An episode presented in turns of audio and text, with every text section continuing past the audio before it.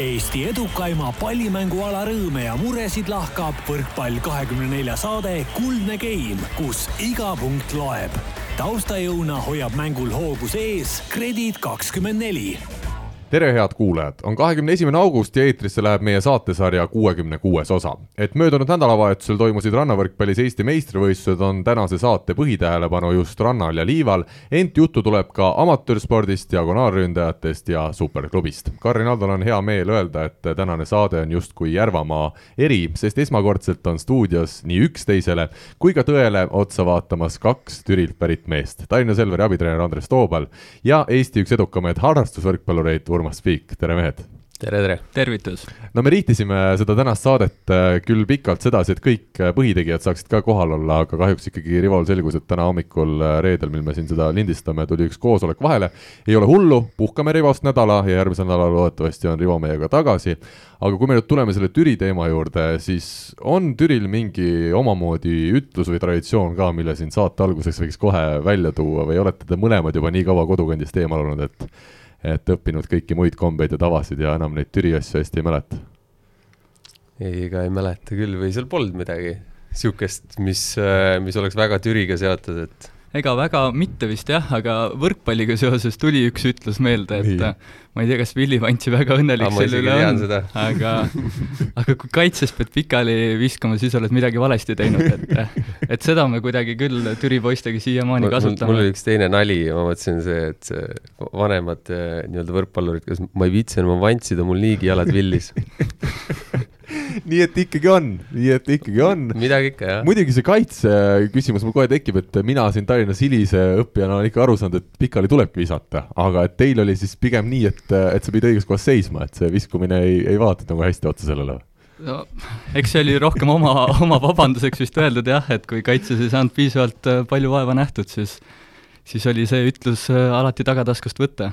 Urmas, sa oled kolmekümne nelja aastane, kas, äh, kas ja kui palju sina nüüd mäletad noort Gert Toobalit ja Andres Toobalit äh, oma siis kodukandist? No Andres Toobalit äh, mäletan muidugi, ta oli minust noorem mees, et äh, aga samamoodi tegelikult ka Gerti mäletan äh, äh, Türi trennides, et äh, ma arvan, et neil oli alati peale meile, meid trenn ja siis juba sai natukene alt üles vaadatud neile ja kõige kõvem äh, sündmus vast oligi see, kui Mihkel Roosmäe ja Gert Toobal tulid rannavõrkpalli äh, üliõpilaste EM-il hõbemedalile, et äh, seda ma mäletan selgesti, et pärast seda hakkasime veel rohkem nii-öelda alt üles neile meestele vaatama. Kuidas sa seda Gert Toobalit äh, mäletad noorusest? Äh, me oleme siin kunagi kellegagi saates rääkinud varem ka sel teemal, kes teda noorpõlvest teadis ja ütles, et ega siis, kui sa ikkagi noort meest vaatad, sa ei oska nii mõelda, et sellest mehest tulevikus võiks saada pikaaegne Eesti koondise kapten ja selline Eesti võrkpalli nägu no mul nii raske hinnangut anda, et mulle juba ta sellel hetkel tundus selline liidritüüp ja, ja ütleme nii, et äh, Türil kõik, kõik olid nii-öelda, teadsid, kes Gert, Gert Toobal on ja ja ütleme, et seal võrkpallureid oli ka niisuguseid pätipoisse, kellega Gert sai väga hästi läbi, et kuidagi autoriteet oli ta kohe, kohe algusest peale, et et mina mäletan teda nii kas Türil ongi Gert Toobal number üks äh, Eesti sportlane või äh, ma tean Türilt või sealt lähistalt kuskilt on ka näiteks Šadeiko Tebere kergejõustikus äh, pärit, et on seal selliseid tuntud sportlasi veel? no neid jah, tuntud sportlasi, eks seal on veel, aga ega ma arvan, keegi ei ole mõelnud kunagi niimoodi, et kes on number üks, et äh, alad on ju nii erinevad ka, et eks äh, katsu sa siin nüüd teha vahet ja, ja hakata võrdlema siin, et siis sellest tuleb tavaliselt paksu pahandust ainult, et et siiamaani ma arvan Järvamaal on äh, selline asi, et äh, võrkpallurid vist pole kunagi sellepärast midagi võitnud, et äh, Jaak Mae oli ka ju sealt kuskilt albust või kuskilt pärit ja, ja elu lõpuni või ütleme, sportlastee lõpuni on ta, on ta se selle kandi mees ja, ja, ja parim sportlane, nii et vahet ei ole. aga Andres, kuna Urmas oli sinust või on siiamaani natukene varem, siis mida sina temast mäletad ja mis ajast sa teda mäletad? no ma mäletan juba ma ei tea, kas ma en-, enne siis, kui ma trenni läksin, ma arvan, ma käisin, käisin kogu aeg äh, Germo ja Gerdi trennides vähemalt ja juba siis tegelikult äh, Urmas ja, ja äh, ja nende siis nii-öelda punt oli juba alustanud, et eks ma mäletan sealt ja ja kuna väga lihtne oli, mul oli minust üks aasta vanem siis äh, sugulane, tervitan, eile käisin ta juures ka, Mikk Tede oli, oli Urmasega ühes trepikojas, siis, siis päris, päris paljud suved ja, ja, ja muu aeg sai, sai seal Urmase maja juures veedetud ja me tagusime ikka kõvasti vutti seal, nii et, et mina tean ju Urmast juba väga-väga pisikesest. võtame kohe ühe sellise tõsisema teema siia saate algusesse, Urmas. ma tean, et sulle meeldib kohtunikega jutustada, sulle meeldib teisel pool võrku olevate mängijatega tihti jutustada. kust see on tulnud ja kuidas see on tulnud? sa, nii palju kui mina sind tunnen tavaelust, sa oled üks väga lahe inimene, kellega on alati lihtne juttu rääkida ja kellest tüli kohe kuidagi ei nori. kuidas see väljakul, kas see on selline provokatiivne, see on mingi suund, mis sa oled mängijana ise ette võtnud, on see su iseloomust pärilik, kuidas sa seda ise kirjeldaksid?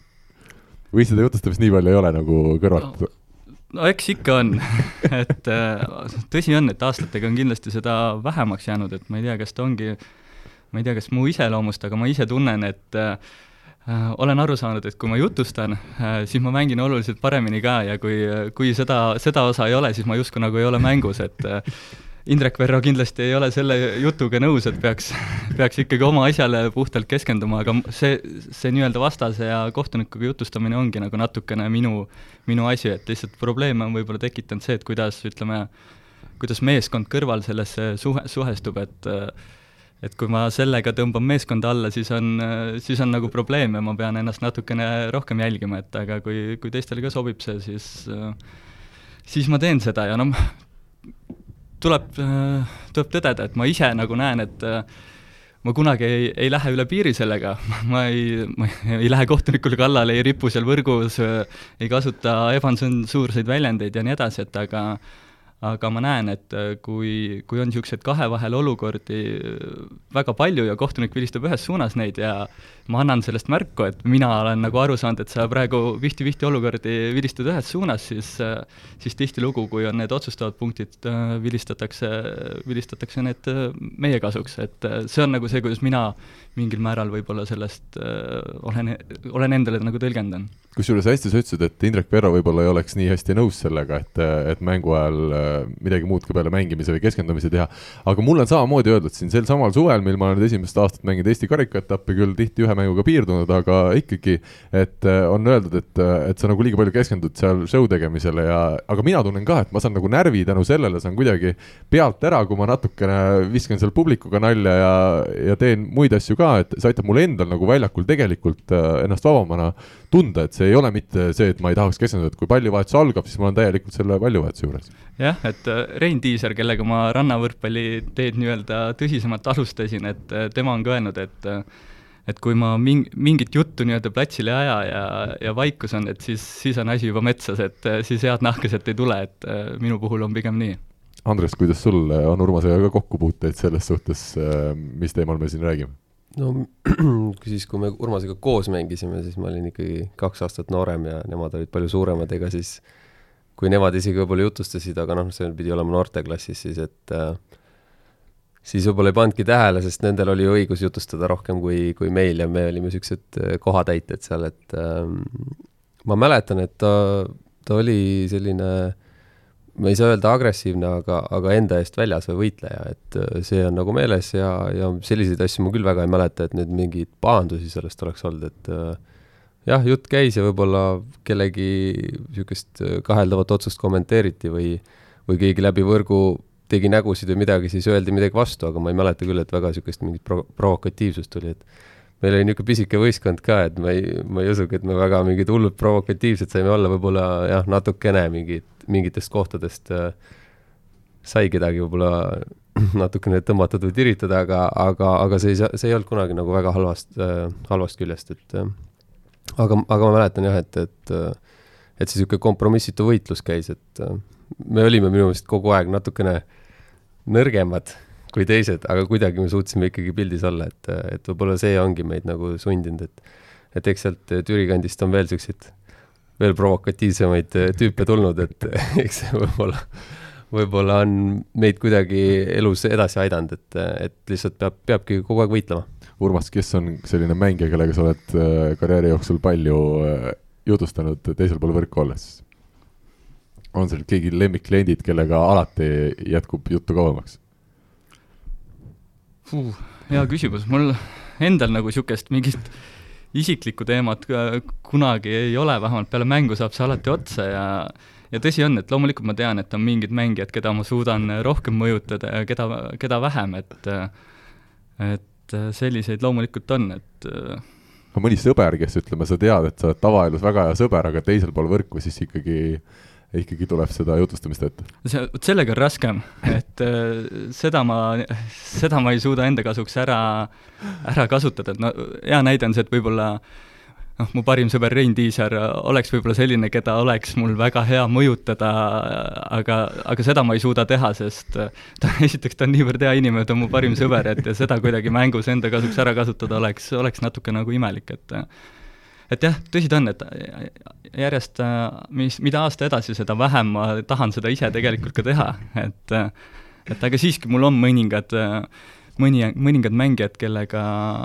kellega mul meeldib seda teha, võib-olla siin üks, natuke vürtsi lisada, üks näide tuua, et Kaspar Pomerants on kindlasti see, kelle, kellega vastu ma tunnen ennast hästi, et kui ma mängin temaga ja, ja suudan teda endast nii-öelda välja viia, et eks ta, seal on nagu niisugune huvitav psühholoogiline võitlus, et äh, kahjuks see aasta ta valis endale paariliseks Argo Araku, kelle vastu ma arvan, mul on üldse kõige ebameeldivam mängida, et et äh, vist ei ole elus ühtegi head mängu Argo Araku vastu teinud ja auandes ikkagi Eesti meistrivõistlustel läksime ka alagrupis äh, sinu ja, ja Sander Steinbergiga vastamisi ja ei üldse midagi, te, te keskendusite mängumis, mängimisele, küll teises game'is, olles esimese game'i juba väga kindlalt võitnud, te kuidagi lasite jala sirgu, kas te üldse seal teises game'is mõne oma servi üle saite, seda ma hästi ei mäletagi enam, aga aga ei, seal oli keskendumine nagu sportlikul poolel. jah, seal me keskendusime rohkem servi vigadel tõesti. Väga hea, kas mõni kohtunik ka Eestis on, kellega rohkem saab äh,, saab vesteldud? Kes laseb rohkem vestelda või kes tahabki ise rohkem vestelda. Uku Rummi näiteks rannas. tema vist hoiab asjad hästi joonest, võib küll naerda ja, ja, ja vahepeal äh, seal mõne naljaka kommentaari väljakul öelda, aga ta ikkagi mängu kontrollib. jah, rannas on küll kõikidega nii, et äh, seal võib mängu ajal igasugust äh, ütlemist olla nii-öelda viisakuse piirides, aga pärast mängu lööme ikka Äh, patsu ja teeme nalja ja, ja seal on nagu selles suhtes ikkagi niivõrd väike see seltskond ja, ja pikka vimmu seal ei ole, et aga ma arvan, ma arvan küll, et ma kõik, kõikide kohtunikega jutustan ja arutan asju, et äh, kuidas mina mingeid asju näen ja kuidas nemad mingeid asju näevad, seal, seal mul nagu mingeid eristusi ei ole, et äh, kõik sobib no kui me nüüd äh, rannavõrkpalli kõrvale jätame ja tuleme sinu saalivõrkpalli siis praeguse nii-öelda töö juurde, Tallinna Ülikoolis sa mängid, meeskond, mis on esiliigas praeguseks juba paar aastat olnud ühegi kaotuseta ja, ja sina oled seal ikkagi ühes väga kõvas pundis sees, võtame siin sellesama Steinbergi, Tanel Uusküla, Reimo Kuri, mängib peatreener Argo Arak. Äh, see on eriline punt, mille te kokku olete saanud? jah, see on tõesti, tõesti mõnus punt meil äh, kellel meeldib koos käia, head trenni teha, nalja visata ja lihtsalt seda võrkpalli nautida, et eks äh, suurem osa on tõesti mingil hetkel enda karjääris võrkpalli eest äh, palka saanud. Äh, kas sina ka? mina mitte, mina pole kunagi võrkpalli, võrkpalli ka teeninud, ma olen alati peale maksnud, ka meistriliigas mängides. et, et jah, aga, aga jah, kõik naudivad ja, ja see on nagu tore punt meil. no on nii neid, kes ütlevad, et see on väga lahe, et te seal mängite ja hästi mängite, et esiliigas ka see tase natukene kerkib, aga on ka neid, kes ütleme siis võitlevad seal teise, kolmanda, neljanda koha eest, kes ilmselt tahaks ka seda esiliigat võita, aga kuna nii head mehed on ees, siis nemad ütlevad, et selline klubi võiks mängida hoopis meistriliigas. sa oled seda ka enne põhjendanud, aga ole hea, ütle, miks ta ikkagi meistriliigasse tänasel päeval ei, ei tiku? no meistriliigas mängimine ikka nõuaks meilt oluliselt äh rohkem nii-öelda ajaressurssi, mida meil kellelgi tegelikult ei ole, et et kõik on tööinimesed, väga paljudel on juba väikesed pered, et see see kaks korda nädalas õhtuti kokku saada ja palli mängida on okei okay ja nädalavahetusti vahel, vahel võistlemas käia, et seal samamoodi ei pea alati kahal käima, et meil on üsna nii-öelda stabiilne see tase, et kui kuus meest kohale ei tule, me saame ikka hakkama, et, et ma arvan, et see on just see põhiline põhiline koht, et äh, keegi ei taha seda kohustust äh, endale pere arvelt võtta mm.. kas ütleme, kõik nädalavahetused on kinni ikkagi harrastusvõrkpallurina esiliigas mängides või sa ütled, et jääb ka vaba aega muuks tegevuseks? ei, jääb ikka vaba aega muuks ka, et meil pigem on üle, üle nädala vahetusti, et üks nädalavahetus on mängud ja siis on jälle vaba ja, ja kuna me oleme Tallinna tiim ja väga suur osa punte on Tallinnas, siis siis see üks mäng päevast ei võta ka tervet päeva kinni, et et seda enam nagu müts maha Võru Kuressaare ees, et äh, kellel ju tegelikult terve nädalavahetus läheb, äh, läheb kinni, kui nad Tallinnasse peavad äh, mängule sõitma. aga oletame nüüd esiliigas mängid, nädalavahetusel on mäng Saaremaaga, ütleme laupäeva õhtul, samal ajal on ämma juubel, kuidas seal siis, kas elukaaslane ikkagi paneb need asjad paika, et kui on ämma juubel, siis on ämma juubel ja siis võrkpallist ei räägita ja, ja sinna ei minda? no kõigi eest ei, ei saa rääkida, minul, minul isiklikult on nagu lihtne, et ämma juubel ei ole nädalavahetuseti. jah, ja naine on ka võrkpalli mänginud, et saab hästi aru, et kui, kui on võistlused, siis tuleb minna, aga aga samas meil on jah, selline kokkulepe meeskonna sees, et, et võrkpall ei ole meie jaoks enam kõige tähtsam ja, ja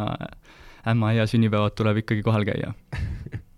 väga hea. Äh, kas esiliigast ise naudite seda mängimist, selles suhtes, et kui te oletegi paremad seal enamikest võistlust, võistkondadest väga selgelt ja mõnest siis sedasi mitte nii selgelt, et, et see teile ikkagi endale pakub naudingut ja, ja sellist äh, meeleolukat siis äh,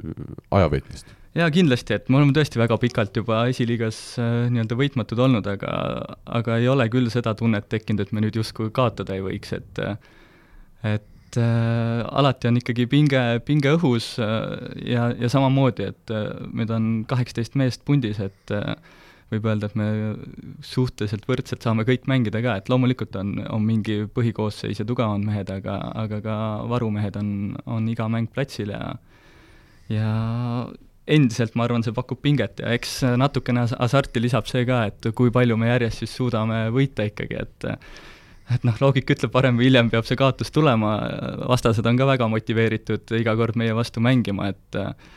et see, see lisab nagu vürtsi asjale. no lisa veel natuke vürtsi, ütle, kes kõige lähemal siiani teie võitmisel on olnud või kui sa uut hooaega vaatad, keda te kõige rohkem kardate?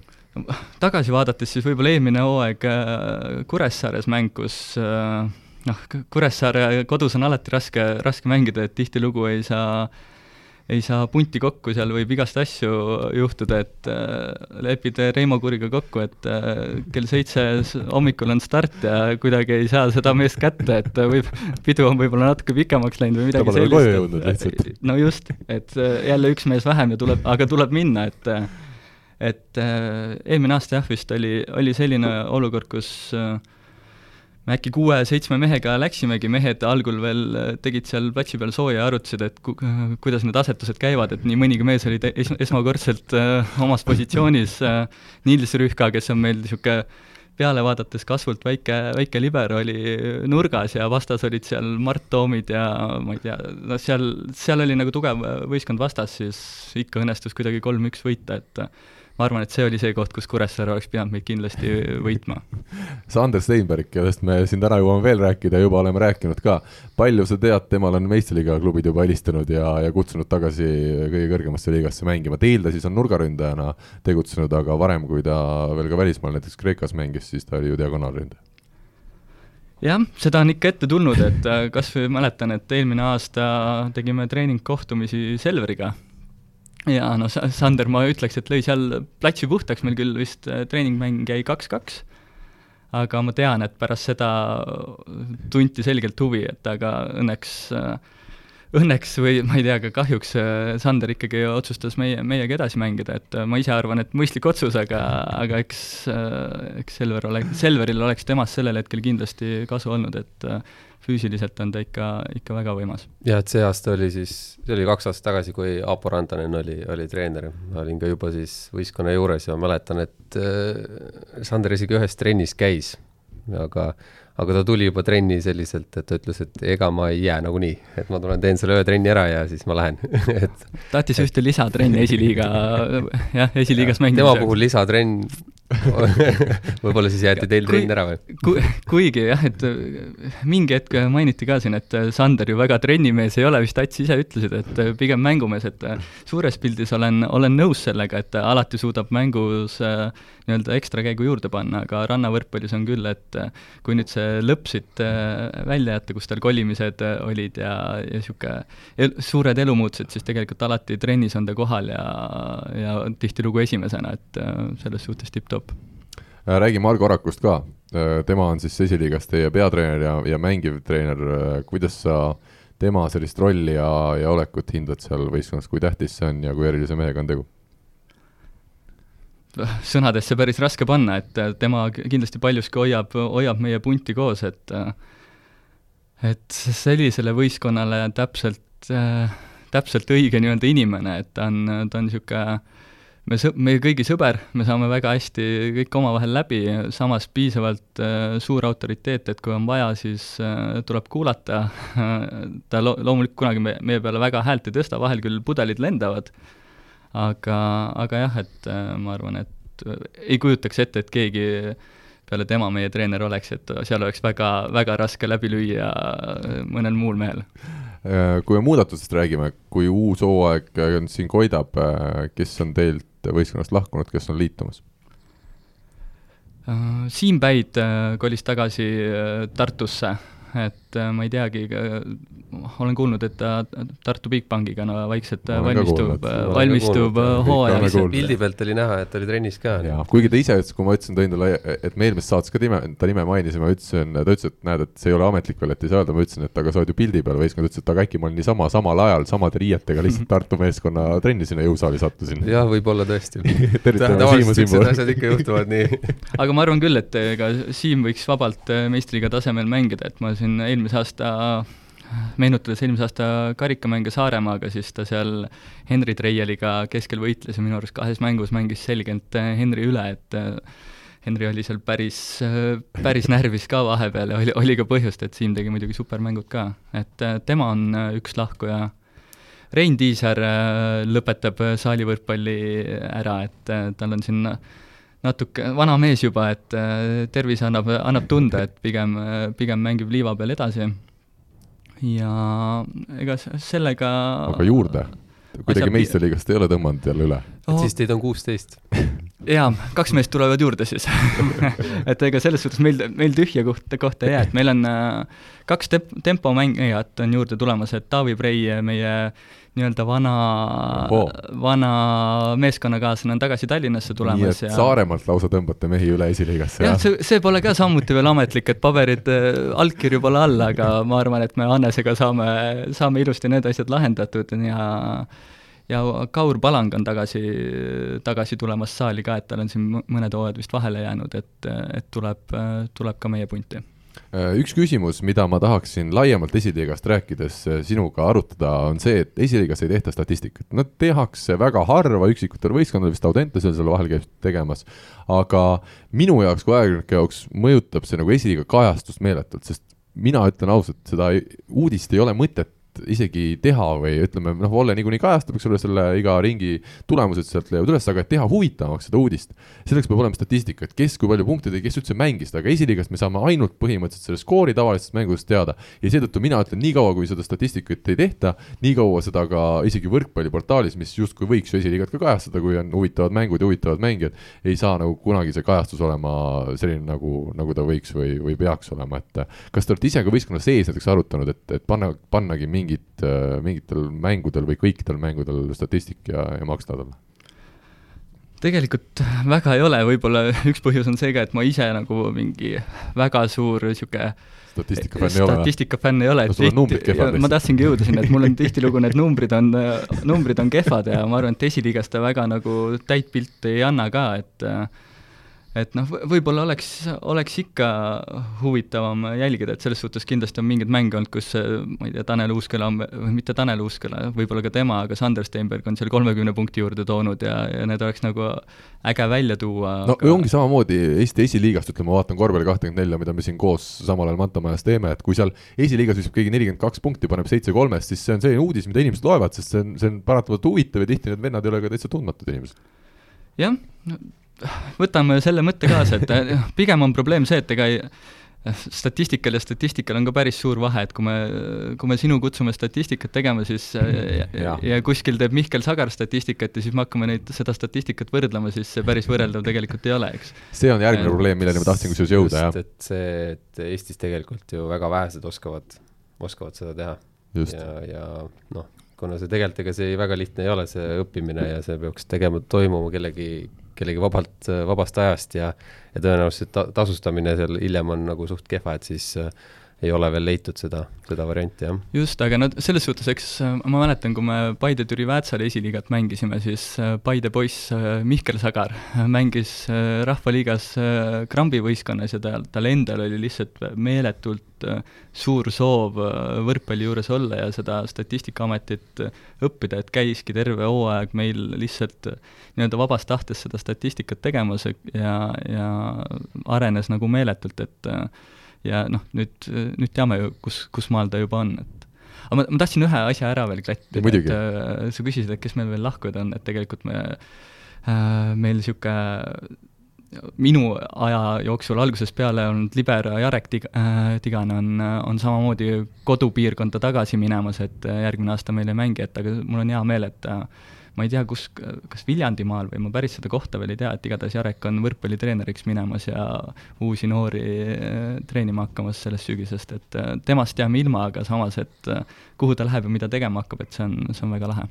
Väga hea, esimene osa meie tänasest saatest on väga kiiresti möödunud, läheme siit edasi küsimusmängu juurde.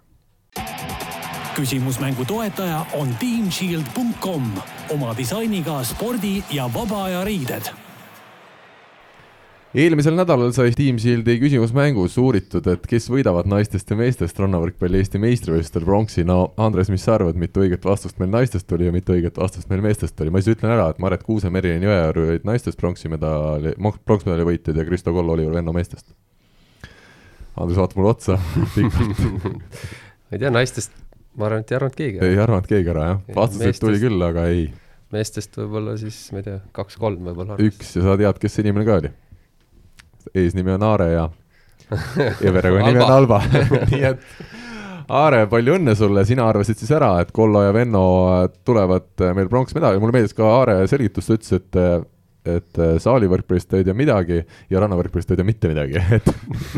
aga ometi selline mees tuleb meil ja, ja paneb ainsana siis äh, vastuse täppi. Aarele palju õnne, Team Shieldi erilahendusega võrkpallilegendide särk läheb sulle, sul on neid särke juba palju ja ütleme, sind võib juba mööndusega hakata nimetama nende särkide maaletoojaks või siis õigemini saarele viijaks, sest äh, oleks vist nii õigem öelda, sest särgid toodetakse Mandri-Eestis, aga Aare elab ju Saaremaal. nii et äh, Aare, sa juba tead, kuidas särk kätte saada, see on sul iganädalane protsess varsti nii et äh, aitäh sulle vastamast, aitäh sulle huvitavate vastuste eest ja uue nädala küsimus on meil siis seotud Urmasega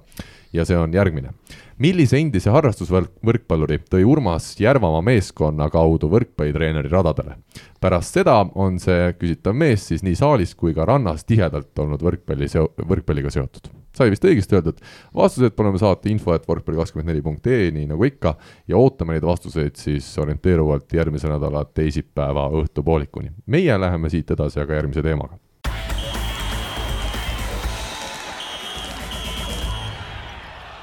no klubi võrkpall Eesti meestest, no see on teema, millest võrkpallisaates enam ei saa kuidagi üle ega ümber, ei saanud varem, aga veel vähem saab nüüd uuel hooajal, sest äh, aina põnevamaks läheb. kaks kõva diagonaalründajat siis äh, selle nädala esmaspäeval selgeks said. Siim Põlluäär Tartu Bigbanki, elus esimest korda, kõigis teistes meistriliiga klubides on ta juba mänginud ja teiseks siis äh, Rene Tepp on Tallinna Selveri mängija. Andres, sina kui Selveri abitreener, kas avasid kodus šampuse, kui kuulsid, et Rene on ikkagi teile tulemas? No Steinbergi tuld ju noh. jah, seda küll, kaks aastat sa ootasid head meest ja, ja nüüd siis viimaks tuli üks teine hea mees. et eh, jah, ei saanud, aga eh, loomulikult hea meel, et ähm, ega siin muud midagi ei olegi öelda, et äh, võib-olla minu jaoks ka huvitav temaga koostööd tegema hakata. ja eks, eks ole näha, kuidas tal praegult see õl-, õla niisugune taastumine ka toimub, et äh, väiksed äh, vaikselt-vaikselt sammhaaval läheb paremaks ja, ja trennides, trennides siin kui me nüüd hakkame rohkem palli tegema ka, eks siis ole näha nagu, mis, mis mis see seis on. Äh, loomulikult suur-suur äh, liha, lisa võistkonnale ja, ja, ja tänu sellele oligi siin tegelikult väike, et senikaua, kuni Teppan ei olnud veel kindel, oligi meil siin natukene õhus, et kuidas me, kuidas me sellele hooajale täpselt peale läheme, et kas me võtame veel kedagi ja ja, ja ega tegelikult äh, klubi poolt oli ka ja, ja, ja siin Raineri poolt, et äh, sai räägitud, et ei, väga ei kipu võtma äh, välismaalasi, et pigem, pigem panustaks oma meeste peale ja, ja see on selles mõttes klubi, klubile ja, ja üleüldiselt liigale, ma arvan, niisugune hea, hea nagu foon, et äh, raskel ajal on need Eesti, Eesti mehed tagasi ja, ja liiga ju tegelikult sellest võidab ja, ja ma arvan, et on, on väga tugev, et seegi, et Põlluäär ka Tartus, et ma arvan, et siin, siin läheb veel kõvemaks andmiseks ma mäletan, kui Eesti koondis, ütleme viis-kümme aastat tagasi, keegi koondisest jäi eemale näiteks suvel ja siis tuli sügisel võistkonna juurde. ühesõnaga, või oli mingi pikk paus selle taga, siis ikkagi vaadati, vaadati, et kuidas see kehakaal on, et äh, kui ma Teppaniga käisin intervjuud tegemas esmaspäeval seal Sparta spordiklubis pärast äh, trenni, siis mul jäi mulje, et ta on juba päris korralikus äh, vormis, vähemalt pealevaates. kuidas nüüd sina treenerina hindad, pikk maa tal veel minna on ilus pikk poiss, jah. ei, ma arvan, et äh, Teppaniga sellist probleemi ei ole, ta on ise väga kõva töötegija ja ja meeldib tal eriti seal jõusaalis rassida kõvasti ja, ja sellega ei ole probleeme, et need, need probleemid olid pigem, jäidki kümne aasta tagusesse aega, et kõik mehed teavad väga hästi, et mille nimel nad tööd teevad ja, ja kui nad ei tee see suvi tööd, siis siis on järgmine aasta raske ja, ja, ja kui on raske, siis üldjuhul läheb ülejärgmine aasta veel raskemaks, et äh, see on, see olelusvõitlus on läinud päris, päris tihedaks ja seal ei, ei anta eriti ruumi, et noored vihased tulevad ka peale, nii palju kui neid tuleb ja, ja ja, ja igaüks peab võitlema ja eriti veel need mehed, kes kes hiljem tahavad välismaale saada, siis nad peavad see hooaeg tegema siin Eesti liigas väga, väga kõvat, kõvat tööd ma ei tea, palju sa saad ja tahad rääkida, kuidas teil Rainer Vassiljeviga kokku on lepitud, millised sõnad on lubatud ja millised mitte siin saates, aga aga kui teil nüüd saalitrennid on, siis diagonaalis, kes teil praegusel hetkel palju maha löövad, kas Steppan ja Mihkel Nuut või on seal Oliver Orav ka, et äh, teatavasti diagonaalründajaid ühele väljaku poolele korraga mahub äh, üks, aga samas Oravat vist saab nurgas kasutada. et, et mis nüüd Raineri sõnad täpselt on, et ma meenutan, ei, tegelikult on asi nii, et see andis lihtsalt meile käike juurde, et Oliver on, on on väga võimekas nii mängima nii nurka kui, kui, kui diagonaali ja, ja see teeb tegelikult meie, meie olemise nagu lihtsaks, et, ähm, et kui on teda vaja nurgas, kasutame nurgas, kui on vaja diagonaali, et see, ta ongi täpselt selline, et äh, sa võid teda kasutada igal pool ja sa ei saa olla kogu aeg kindel, et äh, ma arvan, et Oliver on võimeline ka siin teatud per perioodidel ja, ja ta on sellise iseloomuga, et ta hakkab võitlema selle koha eest äh, nurgas ja kui, kui ta näeb võimalust, et ta on võimeline ka diagonaalis olema seal põhis, siis, siis ta selle eest võitleb, et et kindlalt nüüd ei ütle, et ta on üks või teine, aga, aga, aga kindlasti rohkem, rohkem nurgamees. kusjuures jaa, mina olen ka mõelnud, et kuigi meil on siin Kristo Kollo ja, ja Andrus Raadik tagasi Eestis ja Selveris mängimas, et siis justkui võib-olla keskmisele inimesele jääb mulje, et see on selge, et nurgamehed on siis Kollo ja Raadik, aga, aga Orav tegi eelmisel hooajal väga, väga südi, südi, südihooaja ja, ja minu arust ka see ei ole sugugi kindel, kes seal need kaks põhimõtteliselt ja, ja ega me ei, me ju ei saa kogu aeg olla kindlad, et praegult ka Raadikul on, on näpp, näpp ikkagi katki ja, ja, ja ega tema peab ka niimoodi alg-, alguses olema väga-väga ettevaatlik üldse pallitrennides ja, ja eks neid äh, hooaja sees on ju näha nagunii, et ühel perioodil on üks vigastatud ja vigastusest välja tulemine ja, ja see, see vorm ikkagi natukene kõigub kõigil, et ähm, see on igati normaalne, et et sul on võtta pingi pealt äh, samaväärne mees, mitte et ei pea olema, et me saame kuidagi hakkama, kui keegi on vigastatud. Urmas, jaa, ma võib-olla teeks äh, väikse ennustuse siin ja ütleksin, et isegi Oliver Orav äh, on, äh, on põhilise aja platsil, et mulle endale tundub, et ta võiks just Kollo Raadiku kõrval äh, sobiv mees platsil olla, et äh, kui siis Kollo ja Raadik koos, et ma arvan, et Oliver saab kindlasti väga palju mänguaega ja, ja võib vabalt siin päris kiiresti põhimeheks kerkida. ma küsin Mihkel Nuuda kohta ka sinult, mis sa arvad, kas ja kui palju temale mänguaega jagub, eeldusel, et ikkagi Teppan saab suure osa hooajast kaasa teha? ei jagu ma arvan, et äh, selles suhtes seal on, seal on muidugi suur äh, tasemevahe, ma noh, Mihkli kahjuks räägib see, et ma olen siin äh, rannavõrkpallis võib-olla temaga pigem ko-, kokku puutunud ja ja seal nii, niivõrd hästi pole läinud, et ma teda saalis väga polegi jälginud, aga ma arvan siiski, et kui Teppan on terve, siis seal küsimust ei ole aga mulle iseenesest meeldis see, et äh, Nuut ikkagi otsustas selle suhteliselt julge sammu võtta vastu ja Selverisse minna, et ta oli nüüd äh, TalTechis mänginud vist neli hooaega ja kui sa vaatad, kui tõsine võistkond on Selveril koos, kes on peatreener ja, ja kuidas seal ilmselt see treeningute ülesehitus, ma eeldan, on natukene tõsisem, süstemaatilisem, et siis isikliku arengu osas võib see Nuud, Nuudile tulla kasuks see hooaeg, isegi siis, kui ta jääb seal selliseks varumeheks ja saab arvaplatsile. jaa, kindlasti, et mul endal on nagu jäänud mulje, et Rainer Vassiljevi aktsiad on väga, väga kõrged siin Eesti maastikul, et ja mängijate seas kindlasti. kõik tahavad temaga koostööd teha ja, ja selles osas Mihkli poolt kindlasti, ma arvan, hea otsus aga tuleme nüüd Siim Põlluääre juurde, kes siis Tartu Bigbankiga liitub. minu küsimus on selline, et kuivõrd tähtis on diagonaalründaja roll Tartu Bigbanki võistkonnas, Andres? Sinule, kui me vaatame möödunud hooaega, Curtis Stockton oli seal siis diagonaali rollist austraallane, aga, aga ütleme, mängu tegid tihti paljuski ikkagi nurgamehed, isegi tempomehed, et see, ütleme, diagonaalründaja roll võib-olla paljuski tänu sidemängijale Gert Toobalile ei olnud nii meeletu ja üüratu, kui ta keskmises klubis on. jaa Curtis Stockton, ma arvan, oli selline mees, kes küll tegi mingi, mingile tasemele omad asjad ära, aga aga ta ei olnud kindlasti selline mees, kelle peale sa saaksidki üldse mängu üles ehitada, et, et äh,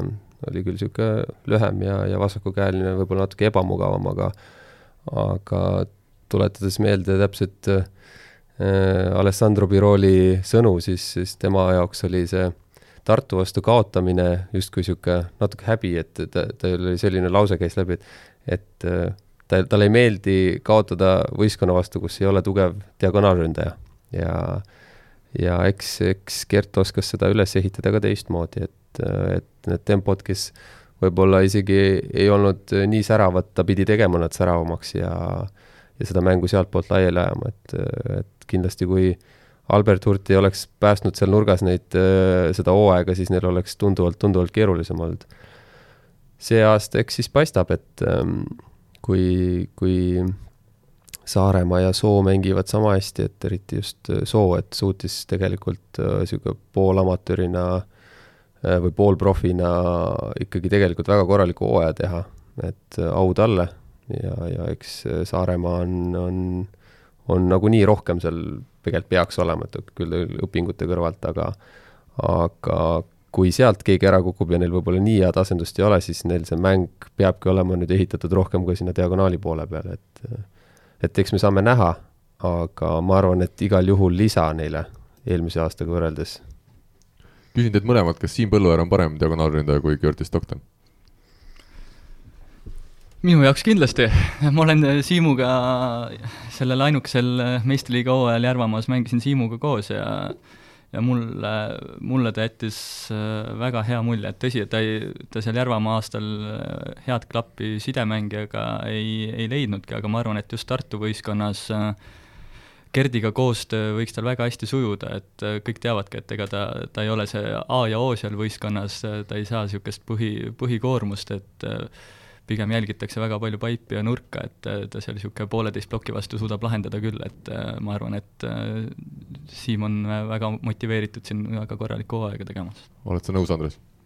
jaa, olen nõus küll, et äh, ta on näidanud, et kui tal sidemängiga klapib, siis ta võib olulistel hetkedel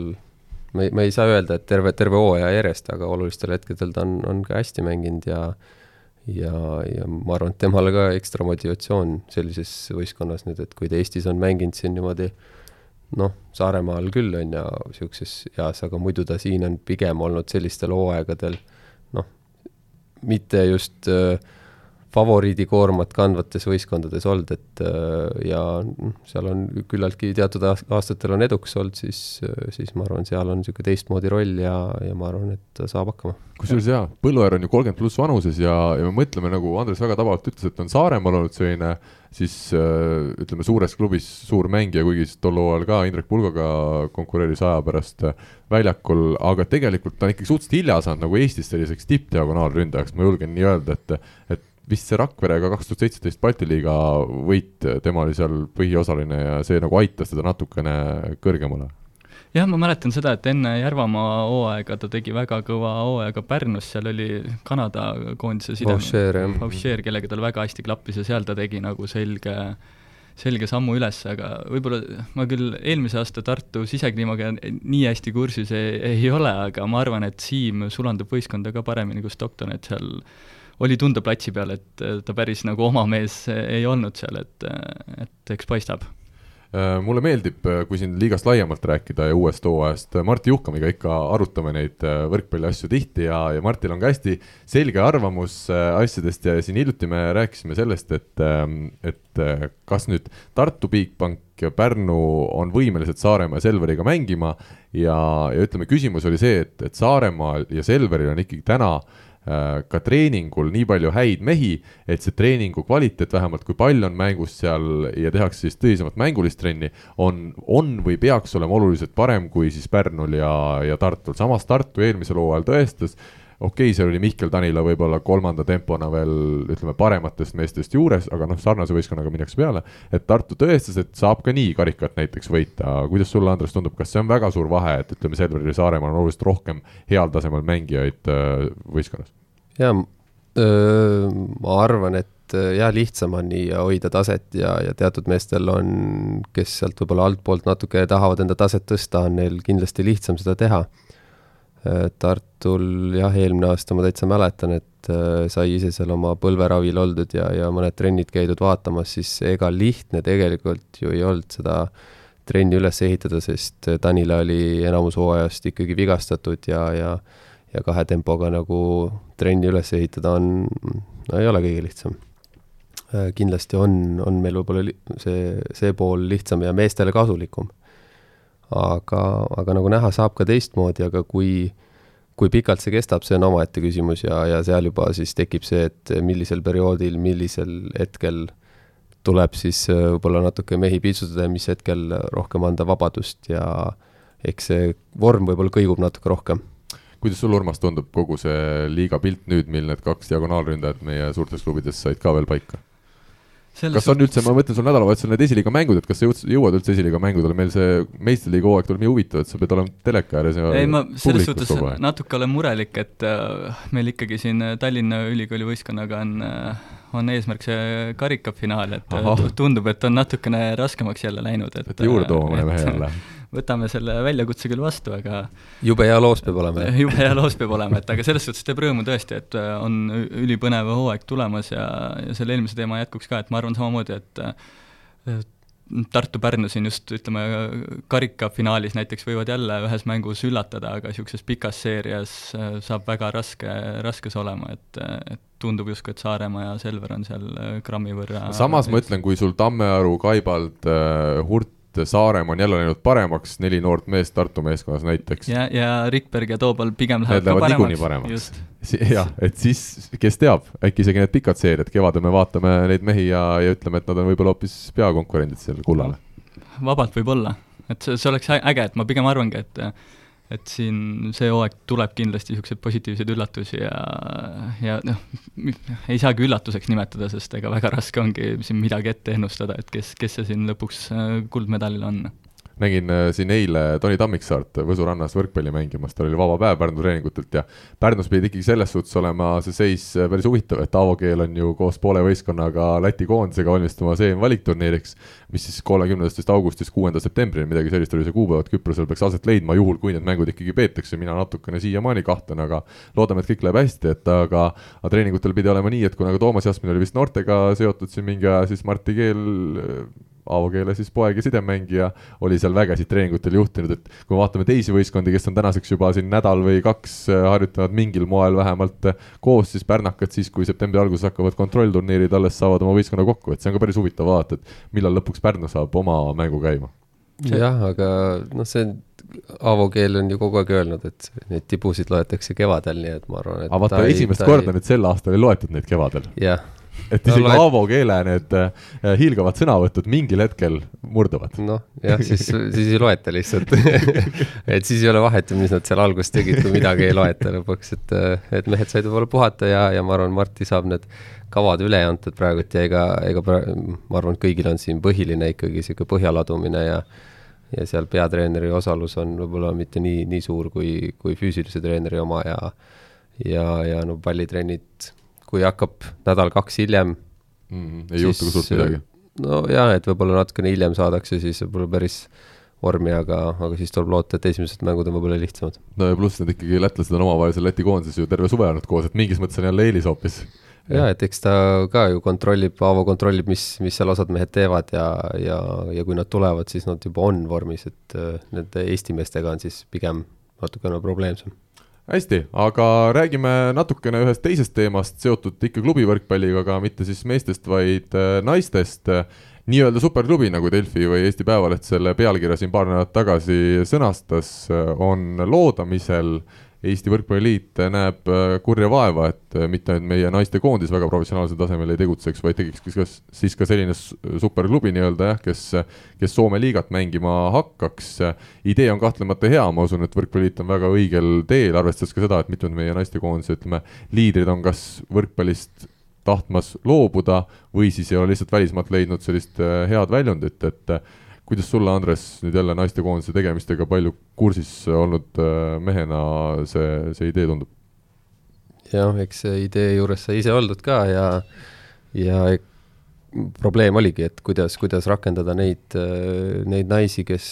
kes, kellel on, ütleme,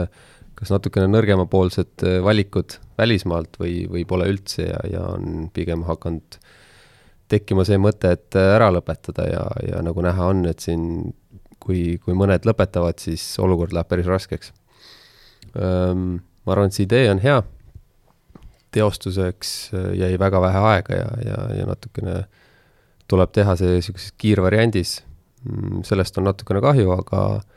aga kindlasti on seal neid naisi, keda, keda on koondisel vaja. Ja, ja ma arvan, et selles liigas, mis, mis siin praegu Balti liigas mängitakse, siis äh, niimoodi neid erinevates võistkondades ära jagada, siis, siis see tase lihtsalt äh, ei ole piisav, et nad tuleksid äh, kas siis nüüd äh, detsembri lõpus uuesti kokku ja oleksid väga heas vormis või, või siis järgmiseks aastaks et siin tuli mingi, mingi otsus vastu võtta ja, ja, ja see tundus nagu kõige loogilisem, et kui need naised saaksid kõik koos olla ja saaksid ka niisuguseid tugevamaid mänge ja, ja see on ainuke, ainuke variant, kuidas äh, samme edasi teha ja, ja just see, et äh, nende naiste kõrval oleksid ka need noored, kes äh, mõne aasta pärast peaksid hakkama seda vastutust kandma. ja, ja probleem, mis, mis on, on, ongi see, et kui need osad, osad tüdrukud või, või naised, kes, kes hakkavad gümnaasiumi lõpetama ja ja neil ei ole seda väljundit, et, et minna kas profina või, või, või isegi poolprofina, et äh, et siis, siis tuleb hakata kujundama seda mingit, mingit niisugust võistkonda, kuhu poole nendel noortel oleks võimeline pürgida ja ka teatud hulgal kas või, kas või raha natuke teenida ja, ja, ja selles võrkpallis sees olla, sest selge on see, kui, kui sealt tekivad mingid lüngad, et et lähen ülikooli, jätan aasta vahele või teen, teen kergemalt, siis, siis kipub ja, ja, ja sellega ei teenita ka midagi, vaid võib-olla maksad ise peale, siis äh,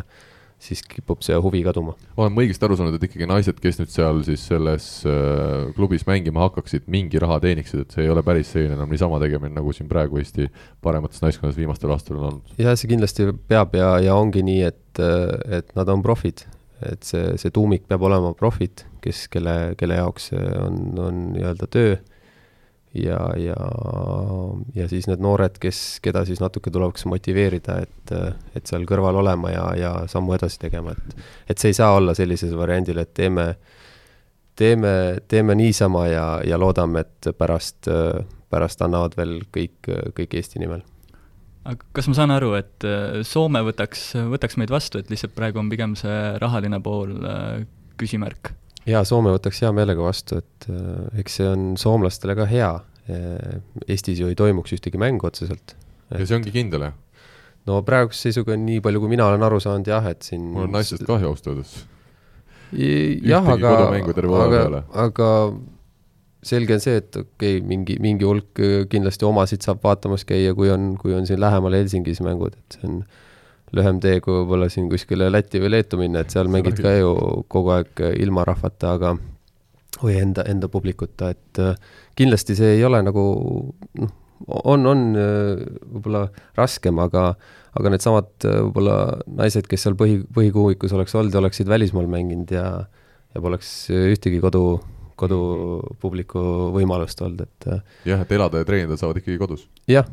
treenivad ju siin Tallinnas ja, ja, ja mängud ongi, et on seal ja, ja tulevad tagasi, mängivad paaris mängu, nii palju, kui ma olen aru saanud ja ja tulevad tagasi, et äh, ma arvan, et see ei ole nagu üldse halb lahendus.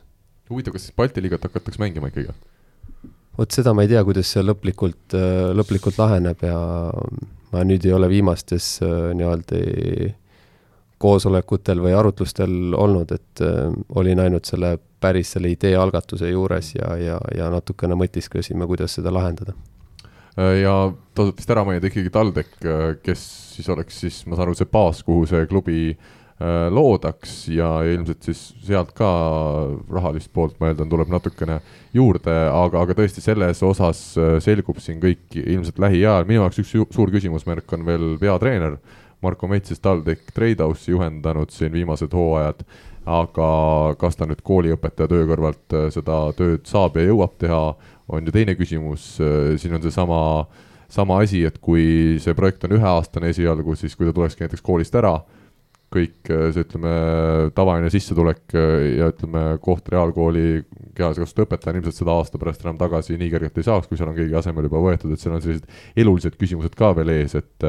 et mida Marko otsustab ja võib-olla on seal otsused juba tehtud, et, et Marko ise ei saa ja ei, ja ei taha ja, ja on keegi teine mees, aga, või naine tulemas treeneriks, aga, aga seda on huvitav vaadata, üks küsimus minul veel on see, et kes need mängijad oleks, kes seal mängima hakkavad, kas neid on piisavalt, kui me võtame sidemängijad, Julia Mõnnakmäe kindlasti, võib-olla Kaisa Pahmatšov, ma ei ole päris kindel, kas ja kui kõvasti temal on huvi praegu veel võrkpalli mängida, nemad siis sidemängijatest, nurgaründaja Nete Peit, noortest siis ilmselt Eva-Liisa Kuivonen Audentesest, diagonaalründaja Kadi Kullergan kindlasti, temporündaja Elisa Peit, libero Kristin Õlvak äkki tema käest ma tean, on uuritud, ma ei tea veel, mis vastused on andnud, aga Liis Kullergan on siirdumas Prantsusmaale, Anu Ennok Luksemburgi, teised mängijad äh, on meil juba siin, Laagid, Miilanid on ammu juba lepingud ära teinud, et kas need mängijad on piisavad, kellel seda klubi tehakse? mm,? Kindlasti, et kui sa nüüd juba nimetasid sealt äh, tuumiku jagu saab, jah? jaa, et, äh, et kui sul on juba põhikuuikust juba paar inimest olemas, siis, siis, siis igal juhul ja, ja nagu ma ütlesin, siis äh, seal on nende jaoks ka, kes, kes peavad äh, siin paari aasta pärast seda asja, et kas või, kas või siin äh, Kibermann ja, ja, ja meil on, meil on nagu igal juhul vaja, et, et nad saaksid tugevamaid mänge kui see, et, et lähme käime, mängime ära ja, ja ongi kõik, et, et sellisel juhul meil on suht kindel, et pärast gümnaasiumi noh, meil ei ole kedagi võtta enam. Aga huviga ootame igatahes, mis sellest klubist saab, milline ta lõpuks saab. Jääme siis ootama neid äh, arenguid ja küllap juba lähiajal saame targemaks, meie aga võtame siit ette tänase saate viimase teema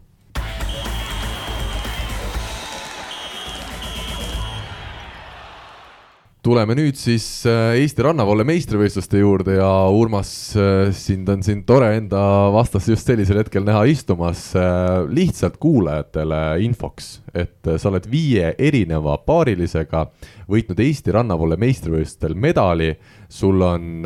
kas nüüd neli pronksi ja kaks hõbedat jah, vastab tõele. Jaanus Kuller kaks tuhat kaksteist, Rein Tiisar kaks tuhat neliteist, Tanel Uusküla kaks tuhat kuusteist ja vist seitseteist, Dmitri Korotkov kaks tuhat kaheksateist ja Sander Steinberg kaks tuhat üheksateist ja siis tuli kahe tuhande kahekümnes aasta. Ja te jäite neljandaks. Just, neljandat kohta mul veel ei olnud Eesti meistrivõistlustel, et äh, hakkab see komplekt äh, täis saama, kuigi jah, kõige seda kirkamat medalit äh, veel ei ole, aga ma noor mees veel, et küll jõuan no see on ikka müstika minu arust Eesti rannavõrkpallimaastikul, teist sellist, no Argo Arak muidugi, tema on ka kõigiga mänginud. aga mis, mis ajal Argo on võitnud kuldmedali, mis vanuses? kas ta üheksakümmend kaheksa võitis või? üheksakümmend seitse. et ja ta on ka Kristo Kollaga hiljem võitnud, ma arvan, seal kaks tuhat, ma ei tea. ja kellegagi oli vist veel? et äkki sul on lootust, et kõige vanemana kuldmedal nüüd võita?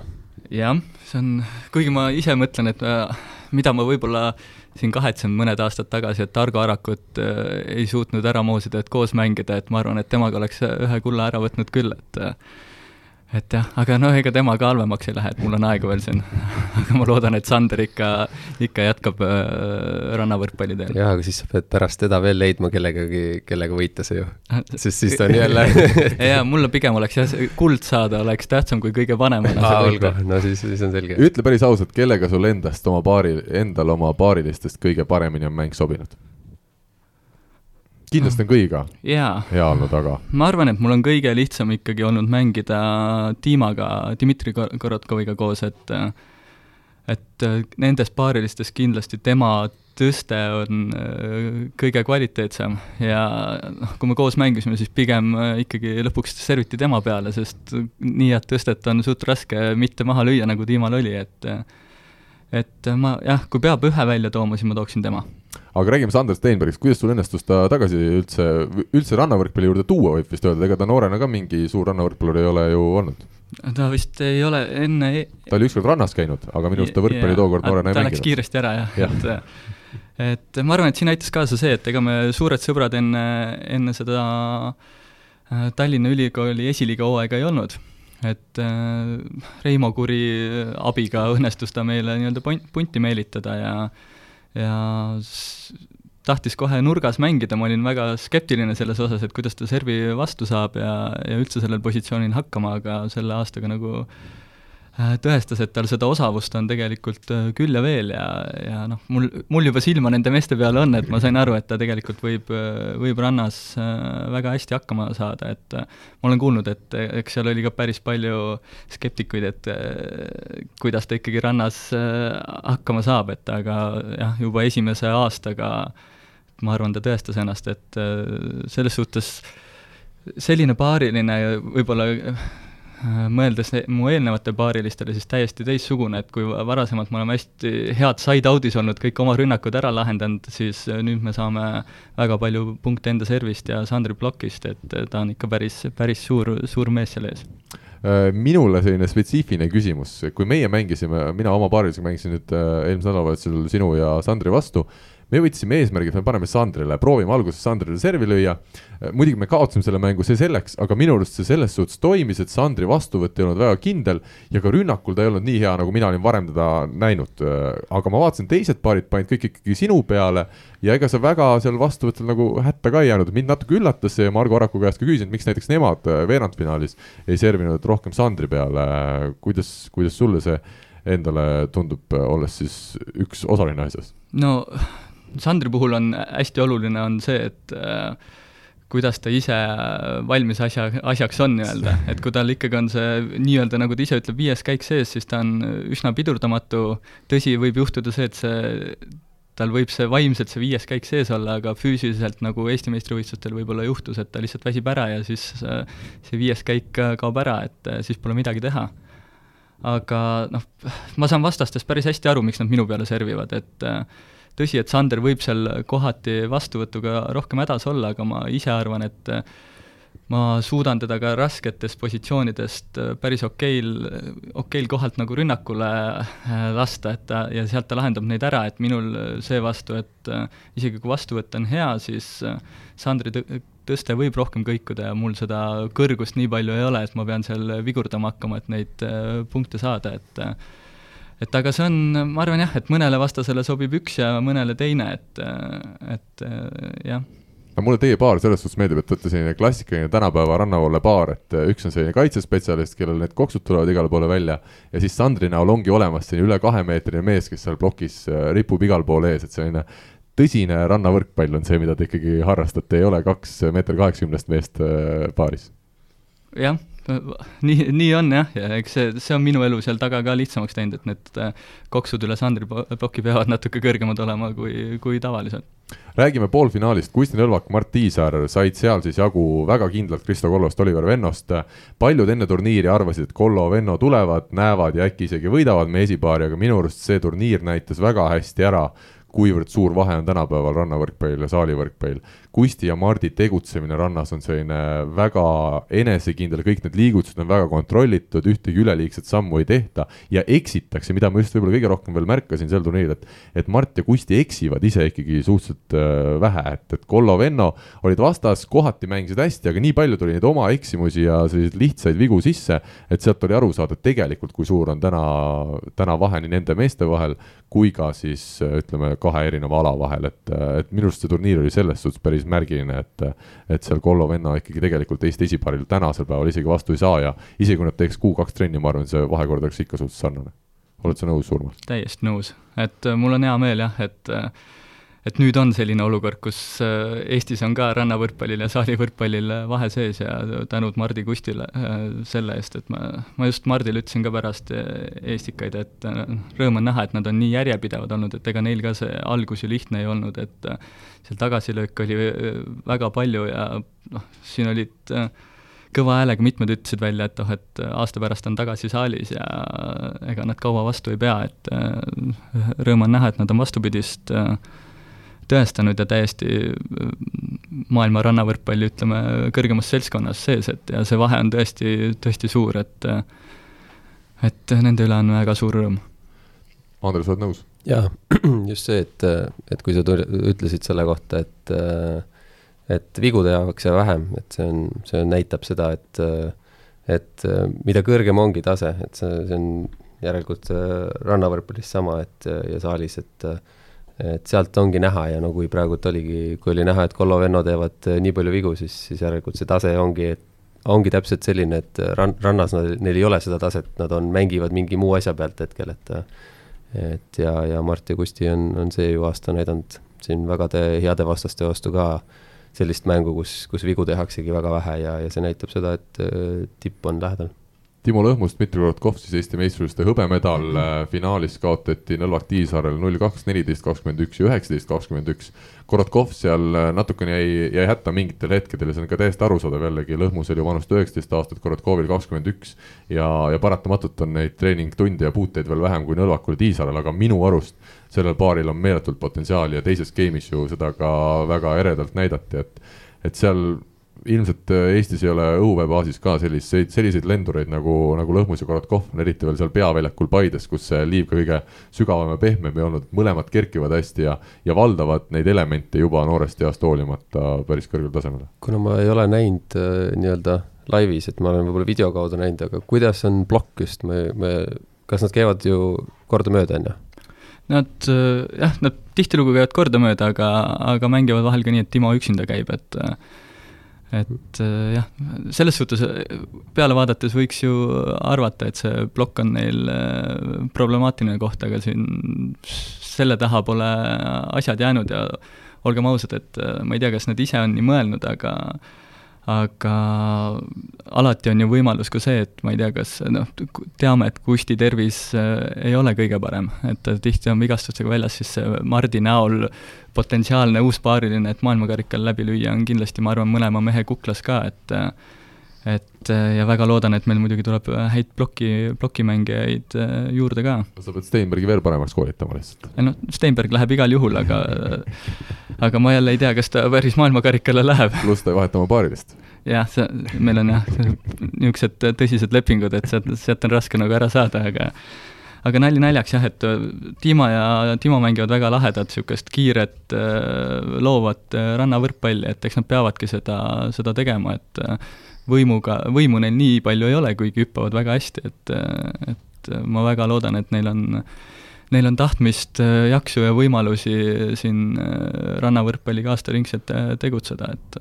ja ma selleni tahtsingi tegelikult jõuda, et kui, kui sa siin, Karl, ütlesid selle kohta, et klassikaline, et üks pikk ja üks niisugune võimas plokis ja nii edasi, et, et ma just mõtlesingi, et kuidas nemad oma selle mängu siis nagu lahendavad ja kui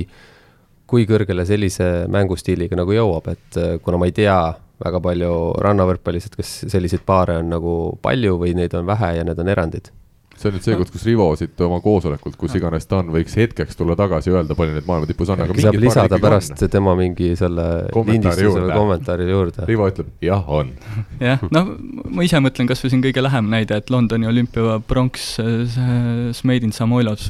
tegelikult ju ei ole ka seal ühte niisugust torni, et kindlasti annab mängida mm. -hmm aga, aga jälle, mis mulle paistab Timo ja Dmitri puhul just äh, silma, on see, et mõlemal on, ongi see rannavoolelik äh, selline tegutsemine juba seal rannas olemas, et äh, kui sa vaatadki neid saalimängijaid, kes tulevad aastas kaheks-kolmeks kuuks randa, siis, äh, siis see on hoopis teistsugune liikumine, kui Lõhmusel Korotkovil juba on tekkinud, et see taaskord minule nagu annab märku, et siit meestest võib tulla hea tuua või siis eraldi head mängijad kellegi teisega, et, et vaatad neid tõsteid kasvõi, kindlasti on seal kohati väikest ebakõla ja Indrek Perro näeb seal elu lõpuni veel mingit parandamismärki, nii nagu üks hea treener peabki nägema. aga kõrvalt see jätab äh, hea mulje mulle. jaa, täiesti nõus, kindlasti on ilus, ilus jälgida ja mõeldes, et kui noorelt nad nüüd ainult rannavõrkpallil, rannavõrkpallile keskenduvad, siis nad jõuavad küll ja veel siin areneda ja ma loodan, et nad võtavad selle Kusti Mardi näite ka nagu endaga kaasa, et kõik ei, ei pruugi nagu kiirelt tulla, aga, aga kui järjepidevalt tööd teha, siis varem või hiljem see igal juhul tuleb, et ja mulle teeb nagu eriti rõõmu see, et et ma ise nagu, kui võib-olla paarikümne aasta pärast tagasi vaadata, siis tahaks öelda, et see Mardi ja Kusti rannavõrkpallile keskendumine võiks olla see nii-öelda uue rannavõrkpalli tulek Eestis, et äh, nad on nagu teinud seda teed siin, rajanud äh, kõvasti ja, ja nüüd on juba palju lihtsam äh, uutel tulla ja ainult rannavõrkpallile keskenduda, loomulikult, et see rahaline pool saab olema, olema alati raskuskoht, aga, aga ma arvan, et süstemaatiliselt seda teha, siis need võimalused tekivad ka järjest ja kui praegu on mõni noor, ma ei tea, üheksakümnenda klassi õpilane, kes mõtleb, et võiks ka ainult rannavõrkpallile keskenduda, siis see nii-öelda unistus ära realiseerida on oluliselt tõenäolisem kui võib-olla kümme aastat tagasi. no sinu vastas istub üks kahekümne seitsme aastane, kellel on ka sama unistus siin tekkinud viimasel ajal, aga see on vist natuke hilja juba no ei ole, kunagi ei ole ju hilja, et, et sa võid profiks saada, aga lihtsalt ise maksan kinni oma või ei või? ei no ma ei tea, kui on võib-olla häid sõpru-tuttavaid ka, võib-olla maksavad kinni, sul lihtsalt tulemusi võib-olla ei tule nii häid. sponsoritel on tähtis see ka pildis olemine, on ju, ma arvan, et seda sa suudad neile pakkuda. sa oskad turundada küll, ma arvan. aga ma just selle kohta tahtsingi öelda, et ma, ma tõsiselt loodan, et kui, kui nüüd siin Timo ja Dmitri selle selle teekonna ette võtsid, et nad saavadki nagu siis profina seda edasi teha, et ei tekiks seda tõrget, et nüüd peaksid tegema nagu poolikult, et. ja ei no meestel kui... on nii kindel siht silme ees, mulle tundub vähemalt üks aasta nad kindlasti teevad. ei, ma seda ütlengi, et lihtsalt, et rahalised piirangud ei tekiks seda, et nad peaksid hakkama ikkagi mingi töö kõrvalt tegema ja nii edasi, et kui nad saaksid teha seda tõsiselt nagu profina, et siis oleks ka järgmine samm, kuidas võib-olla keegi teine veel sealt kõrvalt saaks veel nagu edasi teha seda sammu, et, et lihtsalt oleks väga kahju, kui kui nad peaksid ikkagi hakkama nagu sportlikul tasemel midagi nagu tagasi andma, kuna, kuna rahalised vahendid ei, ei luba seda teha, et sellest oleks väga kahju. Ma loodan tõsiselt, et nad on leidnud need sponsorid ja, ja nad saavad seda teha. ma tean, et nad aktiivselt endiselt otsivad neid, et, et eks siin, siin ongi nagu võimalus tegelikult Äh, mõnel uuel toetajal nii-öelda punti tulla, et need summad, millega, äh, millega nad äh, tahavad nagu hakkama saada, tegelikult ei ole üldse, üldse suured, et iga, ütleme, viiskümmend eurot on seal suur asi. põhimõtteliselt kuus, küll jah, et, et nad lihtsalt nii väga tahavad ja ilmselgelt nad ei taha mingit raha sellega teenida praegu, vaid nad tahavad rannavõrkpalli mängida ja ja kui jah, iga uus toetaja on päris suureks abiks neil hetkel meesteturniiri äh, jutu lõpetuseks olgu siis öeldud, et Nõlvak Tiisar, kui alustasid rannavõrkpalluri teed, siis täisprofessionaalselt äh, olid nad äh, minu arust kahekümne kolme aastased mõlemad, lihtsalt vahemärkusena. ehk siis jah, oluliselt hiljem kui Lõhmus Korotkov täna ja veel ikkagi Kollot ja Vennot tooks esile heas võtmes pärast rasket saali koondise suve ja sellist suurt tööd ja, ja laagrit tulid välja mulle meeldis see, kuidas nad nautisid mängu, loomulikult kui eksimusi tuli kohati liiga palju sisse, siis olid enda peale pahased, aga kokkuvõttes oli naeratus enamjaolt näol ja, ja ütleme, selliste suurte meeste ja suurte nimede endiste ikkagi juunioride maailmameistritega rannavõrkpallis äh, osalemine Eesti meistrivõistlustel andis minu arust väga palju kogu sellele sündmusele juurde. Andres, ma tean, sul on üks jalg juba ukse vahel, sa pead siit peagi ära minema. ei aga..., venitan niisama siin, jah. väga hea, igatahes naiste võrkpalli äh, siis või naiste rannavoole meistrivõistlustest peaks ka paar sõna rääkima kindlasti ja, ja minu arust, mis on esiteks märkimisväärne, on see, et võrreldes eelmise aastaga ja võrdleme kasvõi tänavuse hooaja esimese etapiga Rakveres, olid naiste, ütleme, medalimängude tase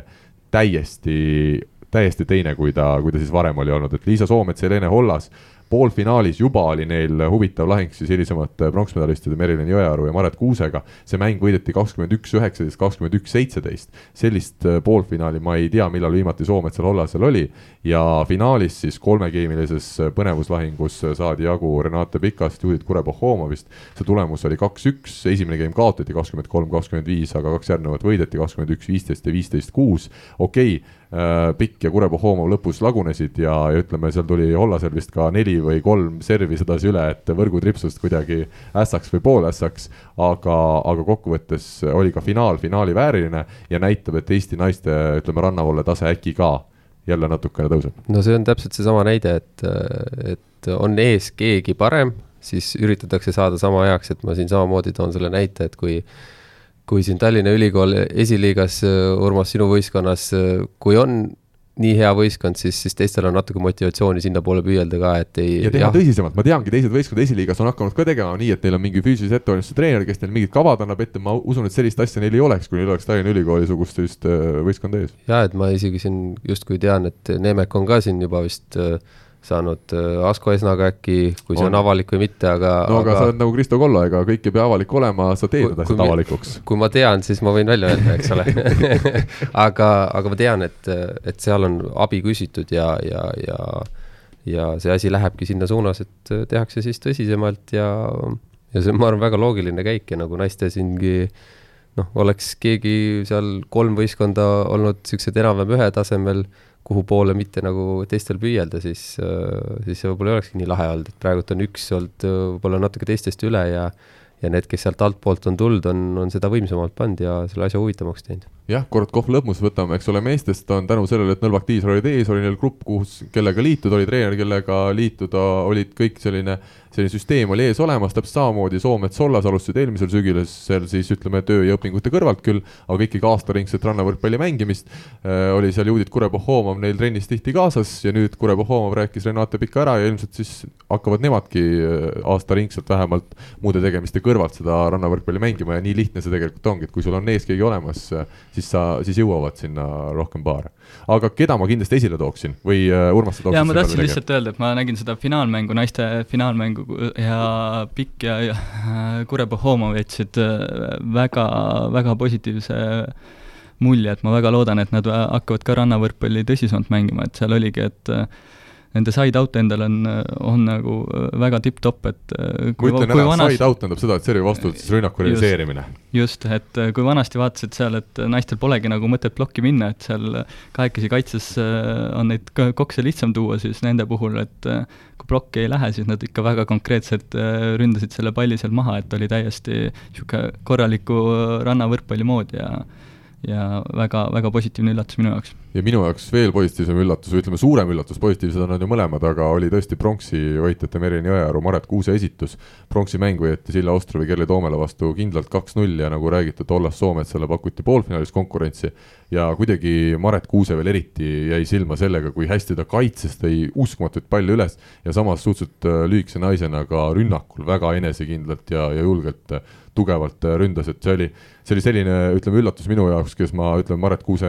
nime ütlen ausalt, enne seda hooaega vist polnud kuulnudki, et näha, et ta Eesti meistrivõistlustel pronksi eest äh, nii hästi mängis, oli, oli tore, tore üllatus. aga mehed, tundub, et saade hakkab läbi saama äh, palju positiivset on siit saatest kaasa võtta, kuidagi Eesti võrkpallil paistab, et läheb hästi ja, ja on, mida oodata siin uuelt hooajalt samuti. kindlasti. igal juhul Uh, Urmas, ma tean, et sul on homme üks tähtis päev ees ootamas, sa oled uh, sõudmas abieluranda uh,. Andres, sina oled selle teekonna juba läbi teinud, kas pärast abiellumist ja sõrmuse sõrme panemist ja siis ikkagi võrkpallil jääb vähem aega või? ei, kõik, kõik on, kõik, kõik on väga hästi, kõik läheb veel paremaks, nii et. isegi võrkpallis? ära vabista, Urmas, kõik läheb parem, ainult paremaks nii et Urmas, äh, ette juba olgu öeldud, et äh, palju õnne sulle selle suure tähtpäeva puhul, loodetavasti siis ka ilm ei vea alt, ma saan aru, et laulatus on plaanis teha välitingimustes. Jah, küll seda, küll äh, ilmaga saab hakkama, et, et loodan, et selle jah-sõnaga ka ikka, et et kõik läheb libedalt. et hääl ei väriseks, et hääl ei väriseks, jah. loodame parimat, aitäh teile mõlemale tõesti selle meeldiva tunni ja natukese peale eest ja kõigile kuulajatele ütleme uuesti kohtumiseni juba nädala pärast aitäh, nägemist! nägemist! Eesti kõige põnevamad podcastid on Delfis, kuula tasku.delfi.ee